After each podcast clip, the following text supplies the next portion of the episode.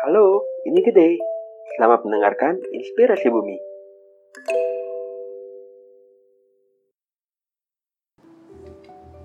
Assalamualaikum warahmatullahi wabarakatuh Sahabat kreatif Kamu masih di 96 kendaraan di Kota Bandung Ramadan bareng Pro 2 Kamu ngerasa nggak sahabat kreatif kalau misalkan kita ngomongin soal hujan nih nggak cuma baper-baperan aja sahabat kreatif ya Jadi hujan ini ini bisa jadi memiliki makna yang emang berbeda tergantung kepada siapa kita bertanya buat kamu nih yang emang anak indie hujan itu kayak uh, rasa syahdu yang emang ganti. Bisa buat petani terus juga hujan ini bisa uh, bikin anugerah buat semuanya yang emang hidup di dunia ini. Tapi untuk mereka yang ada di wilayah rawan bencana hujan ini bisa jadi awal dari malapetaka loh sahabat kreatif nah di kota Bandung ini beberapa bulan terakhir hujan emang punya makna tersendiri ya memanen amal ter terus juga menjadi penghuni kota yang memang lebih empatik dengan gerakan yang memanen hujan. Nah, generasi Jawa edisi kali ini ini akan membahas tentang upaya Kota Bandung untuk menampung air hujan. Dan di depan saya ini sahabat kreatif ini udah ada para narasumber yang sangat luar biasa. Dan seperti biasa, ini ada uh, apa ya? Pemeran pengganti bukan? Iya, Bu. coba, coba, coba, bentar. Partner. Halo, halo, halo. Nah, Ya. ini ada partnernya Dadung, ada Beli Gede. Halo, Gimana, sahabat kreatif Gede? semua baik, Oh, baik sehat alhamdulillah. ya? Ya, gimana Dadung Eh, minggu kedua puasa? Alhamdulillah sehat. Oh, ya, alhamdulillah bolong gitu kan. Kalau bolong-bolong sedikit. Oh, iya. nah, nggak cuma itu aja ya, ada beli gede juga, tapi ada ini Pak Didi Ruswandi adalah Kepala Dinas Pekerjaan Umum Kota Bandung. Selamat pagi Pak. Selamat pagi. Ah, pagi. Alhamdulillah sehat. Oh belum ditanya ya. ya, sehat Pak. Alhamdulillah, Ah, ya. sehat. Nah, nggak cuma ada Pak Didi aja, tapi ada juga Pak Rahim ABS ya, ini Direktur Ecolink. Yes, selamat pagi. Oh Ya. pagi. ya ini ada juga Pak Zen Sinoda. Ini adalah urban planner spesialis Kotaku ya. Kota Tanpa Kumuh. Selamat pagi. Oh Kota Tambah Kumuh. Oke. ya ini jadi Pak, kita bakal ngebahas tentang panen hujan ya panen hujan. Ini kalau misalkan ngomongin tentang panen, soalnya Dadung sendiri yang Dadung tahu sih panennya panen eh, kalau nggak salah sih panen duren ya. Iya. itu sering identik banget tuh panen durian. Ini pengen nanya, eh, pengen nanya dong ke Pak Didi Pak.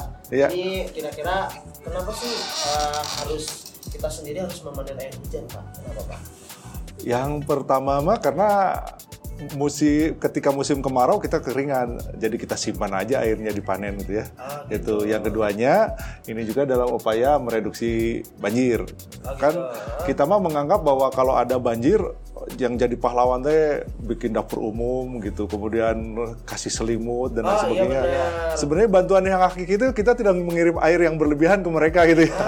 iya, Coba iya. kalau disuruh pilih gitu ya. Karena emang kebanyakan kita malah memasarkan bukan memasarkan sih maksudnya kita malah memperbanyak air ke mereka gitu. Iya, ya. betul. Nah, itu cara menanggulanginya gimana sih Pak? Dengan cara apa Pak? Iya, banjir itu karena air hujan itu menjadi air permukaan atau uh, run off gitu ya. Kalau air itu menjadi air uh, dalam tanah, ya tidak banjir gitu. Malah itu menjadi cadangan air tanah gitu ya. Jadi kalau sebisa mungkin air hujan itu di, diresapkan gitu.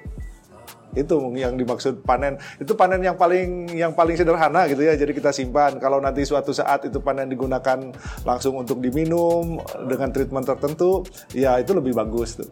Untuk nyiram tanaman tanaman disimpan di eh, storage yang yang apa? Yang buatan itu bisa. Tapi kalau kita nggak punya tampungan buatan, ya di tampungan alam aja gitu ya. Disimpan di dalam tanah gitu.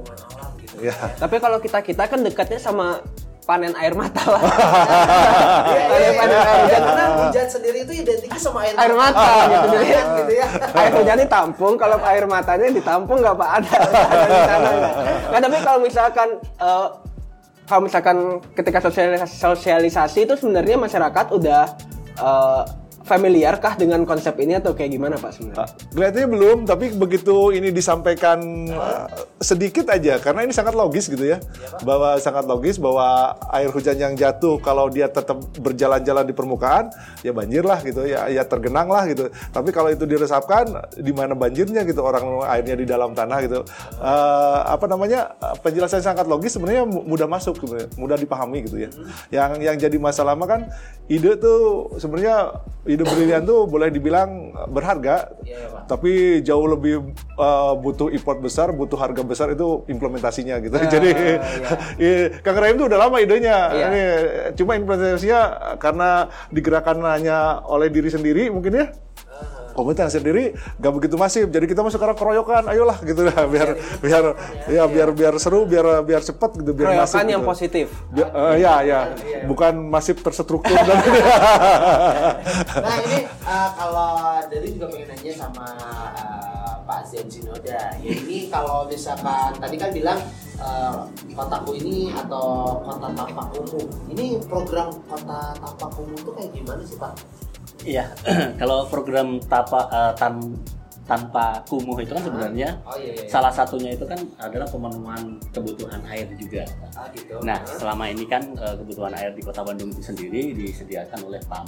Itu hanya sebagian kecil saja, akan tetapi banyak masyarakat eh, di permukiman yang kumuh itu eh, ternyata mereka lebih mahal di dalam meng- ini air ya, apa namanya mendapatkan mendapatkan pelayanan air ini. Nah, apa sebabnya? Ya tadi yang pertama eh, apa bahwa peraturan di Kota Bandung itu sendiri itu memang memang harus memang harus ditegakkan. Itu tidak boleh ngebor lagi gitu Oh, tidak iya. boleh ngebor lagi karena apa? Karena akan menurunkan eh, muka tanah itu kalau kita melihat pak ya Ya. penurunan muka tanah di kota Bandung itu sendiri itu kan 20 cm per tahun. Oh, bisa iya, dibayangin kalau misalkan dibor terus kan seperti itu. Nah salah satu solusinya ya dari yang Pak Didi sampaikan itu tadi bahwa kita harus me- hujan yang sudah eh, apa namanya turun itu jangan buru-buru di eh, salurkan ke drainase atau ke sungai sehingga apa yang banjir itu ya di Kabupaten Bandung kan seperti Iya, itu benar-benar. iya Tapi kotaku sendiri itu memang fokus ke air hujan ini atau memang ada topik-topik lain yang sebenarnya yang jadi program dari Nah, kotaku? itu Pak. ada program lain juga sih Eh, kita menangani wa- water sanitasi kemudian menangani kumuh juga artinya gini eh, kebutuhan dasar di masyarakat itu kita menangani semua Hmm. baik sanitasi air bersih itu sendiri kemudian eh, Kebutuhan hati enggak ya? Enggak, ya? Iya, bisa kebetulan tadi pakai water. Dikompres, dikompres. Ya, Pak. ya seperti itu Oke. Ini kalau ini karena emang apa ya, ini panennya panen hujan sahabat kreatif dan buat sahabat kreatif juga yang pengen ngasih tanggapannya tentang panen hujan, itu Dadung udah ngasih di story-nya ya di Instagramnya itu jadi kamu bisa komen di situ sahabat kreatif di Instagramnya Pro 2 BDG dan kamu juga boleh WhatsApp di 0816609696 tentang panen hujan kira-kira kamu pengen nanyain apa tentang panen hujan? Kalau Danung sih ya itu tadi karena yang biasa Danung dengar tuh bukan panen hujan panen durian ya biasanya. Nah kalau misalkan eh, ini uh, uh, ke Pak Rahim deh. Kalau ke Pak Rahim sendiri kan ini direktur Ecoling ya? Nah itu kalau misalkan program buat Ecoling itu apa? Ecoling itu edukasi ekonomi lingkungan. oh iya iya iya. Eh, ya kan kita perlu terus belajar. Hmm. Eh, ya hasilnya harus bermanfaat secara ekonomi dan terutama kan du- dua itu lingkungan juga harus dijaga. ya Ya, Jadi ya itu eh, calling edukasi ekonomi lingkungan. Lingkungan. Hidup itu kan cuma tiga itu. Iya, Belajar seumur benar. hidup, cari kesejahteraan, nah lingkungan dijaga. ah gitu ya Nah, kalau misalkan gerakan memanen air hujan ini sendiri itu eh, gimana sih sebenarnya eh, caranya gitu yang yang sekarang lagi dijalankan gitu? Eh, ke saya pagi Iya, enggak, Pak Kak Raif aja. Sebenarnya udah Boleh, jalan. Ya. Kalau dulu. Oke, Pak. Iya. Pak dulu. Karena Ya, kalau ini kan ada dua manfaat besar gitu ya. Yang pertama mengenai reduksi banjir, yang kedua eh, untuk konservasi air gitu ya. Jadi menabung air di eh, tanah gitu. Jadi dalam konsepnya PU mungkin ke PU pengairan SDA itu lebih ke arah eh, mereduksi banjirnya. Tapi juga sebenarnya sebenarnya sungai itu akan eh, stabil airnya bila cadangan air tanahnya bagus gitu ya. Kalau cadangan air tidak tidak diisi ya sungainya eh, apa tidak stabil gitu ketika ketika hujan airnya besar, tapi ketika kemarau airnya sedikit. Nah kalau air tanahnya terisi dan itu kan menjadi apa namanya eh, aliran dalam tanah juga ya. Jadi kalau itunya terisi, nanti ketika hujan, ketika kemarau, air sungai itu akan lebih stabil gitu. Kalau kalau kalau airnya di- dimasukkan ke dalam tanah. Gitu. dan itu langkah salah satu langkah awal yang emang bikin kitanya juga itu panen hujan tuh kayak Iya, gitu jadi ya. Iya. intinya saat sekarang yang masih banyak-banyak hujan nih, ayo kita simpen Iya. sebanyak-banyaknya. Nanti mungkin kalau misalkan kekeringan, akhirnya kita bisa manfaatkan juga. Betul. Kalau keburu ya. Kalau keburu. kalau keburu, kalau tidak keburu kita harapkan ketika musim hujan tahun depan datang, semua infrastruktur udah udah sudah siap lah. Iya. Minimal udah bisa bereduksi gitu. Kalau yang sekarang sendiri pemanen air hujan seperti apa yang dilakukan? Misalkan apa yang di- teknologi apa yang digunakan dan segala macam. Ah, Dipromosikan oleh DPU sekarang. Ya teknologi yang dipromosikan ini temuannya Kang Rahim gitu ya yang drum pori ini. Drum pori. Drum pori. Jadi ini ke- kenapa dipilih lebih murah, lebih mudah, lebih gampang mengerjakannya gitu ya. Jadi itu itu. Itu kayak gimana? Nah, itu Kang itu. Saya perasaan drone itu kayak gimana sih? Ya kan eh, Apakah sama dengan drum band? Iya, beda. Ah. Iya, iya. Apakah sama dengan biopori? Nah, dulu kan ada tuh yang Nah, Iya, iya, rame iya. kan biopori. Darung taunya biopori. Ini drum pori kayak gimana? Apakah drumnya di ke pori-pori? Gimana Pak? Ya tadi penjelasan Pak Didi paling benar itu satu murah merintih. Ya, meriah loh. Nah, kan drumnya murah supaya nggak jadi banjir ya, Ah, biar iya, nggak iya. merintih dipasang lah drum. Iya. ya itu sih apa eh, memang gagasan baru saya sendiri eh, baru lima tahun yang lalu lah ketemu teori itu karena itu juga karena di tempat saya ada banyak drum. Oke. Nah itu dibikin, dimasukin ke dalam tanah. Eh, kapasitas 200 liter dengan drum itu jadi bisa mudah diukur. Diukur berapa liter yang masuk meresap ke dalam tanah gitu. Jadi terukur semua banjir kan volume air terukur, Iya, iya. debit curah hujan terukur. Masa masuk ke dalam tanahnya nggak kita ukur. Ah. Jadi drum teh diapain nanti, Kang? Eh, ini ya. dikasih lubang-lubang eh, lalu tanah digali seukuran drum lebih besar dari drum lalu di luar drumnya dikasih apa Didi yang yang pasang ini, ini terlalu berendam dia. saya, saya ngikutin beliau nih. Uh, si drum porinya sendiri itu udah udah projectnya udah udah di mana aja, udah dikerjain di mana aja ini. Eh, ini kalau salah satu kelebihan yang lagi diterapin sama PU ini eh, di cluster Ah, jadi bukan perumahan aja yang di cluster drumnya juga Oh. ada koordinatnya Ah, di gitu cluster. ya. Nah, jadi ketahuan berapa ratus drum yang terpasang, di mana aja yang terpasang. Kalau rusak tindakannya apa, ketahuan. Ini Ah. kan apa istilahnya big data. Ya. Siapa tahu di 4.0 ya. Baru ya. Oh, sekarang biasa lah.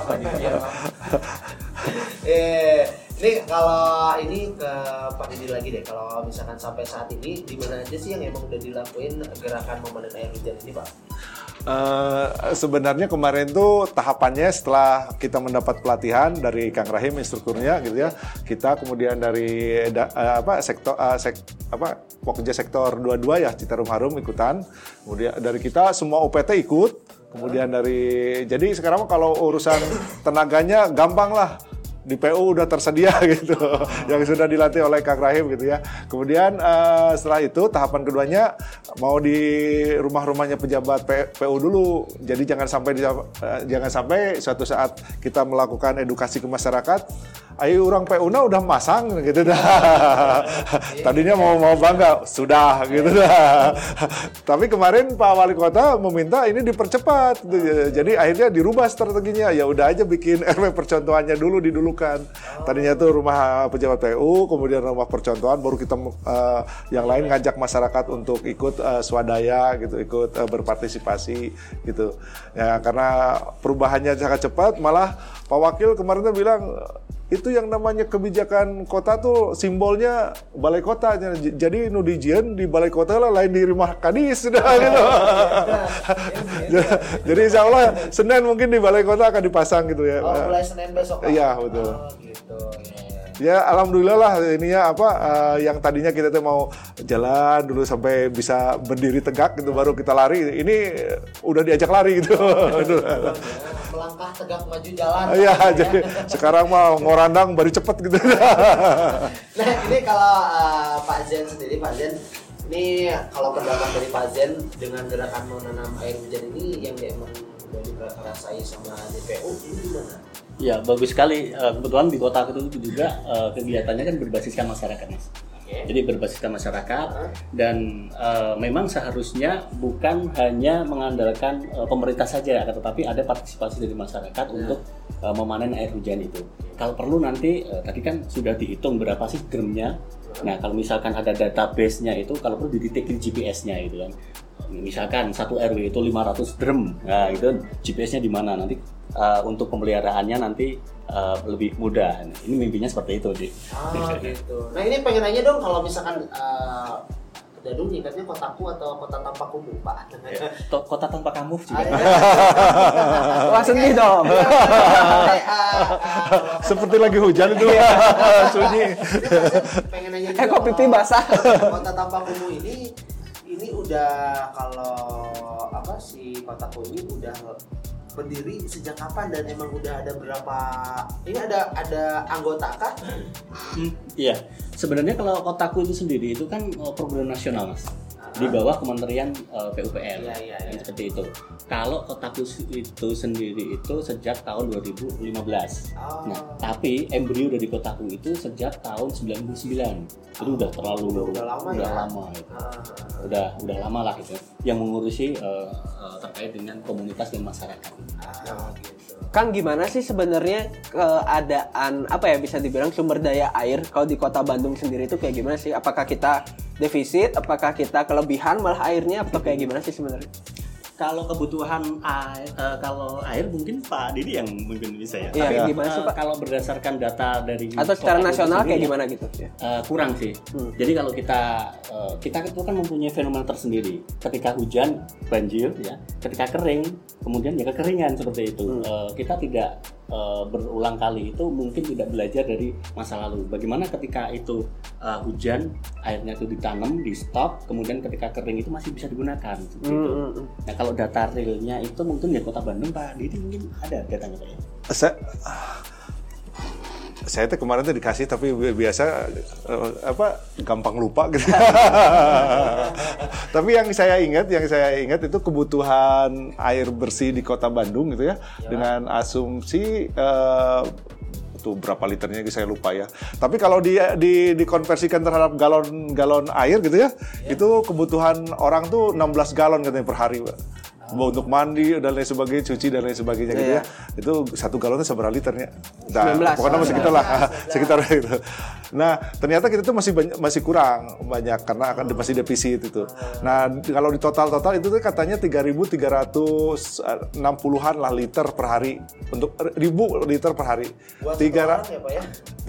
336 ribu, li- ribu liter per hari kota Bandung butuhnya tuh. Sebenarnya air hujan tuh kalau dirata-ratakan per hari di kota Bandung tuh dikirim satu juta Iya. Lebih, aku pikir kalau lebih, lebih gitu. ya. Jadi kenapa kita kekeringan karena tidak ditabung gitu ya, tidak dipanen gitu. Nah Nah kalau air hujan sendiri tuh eh, yang Dadung paling Dadung sebenarnya kalau misalkan air hujannya cuma satu titik nggak takut sih Pak. Iya. Yang takut itu karena rame-rame. ya Itu yang bikin takut. Akan keroyokan gitu. Kalau satu lawan satu boleh ya sini ya. Ya, boleh lah kalau satu lawan satu ya. Nah buat kamu sahabat kreatif yang pengen eh, ngasih tanggapan atau mungkin pengen nanya sama Pak Didi, sama Pak Rahim juga sama Pak Jen, ya kamu boleh WhatsApp di 0816609696. Habis ini uh, Darun bakal nanya-nanya lagi sama para narasumber yang sangat luar biasa dan juga Darun bakal ngomongin sama siapa ini? Ya halo, Oke. sama saya. Sama beli juga. Jadi eh, kalau sekarang partner duitnya agak sedikit ini ya, beli sama beli ya. Eh, kalau kemarin-kemarin sendirian, aduh kayak gitu.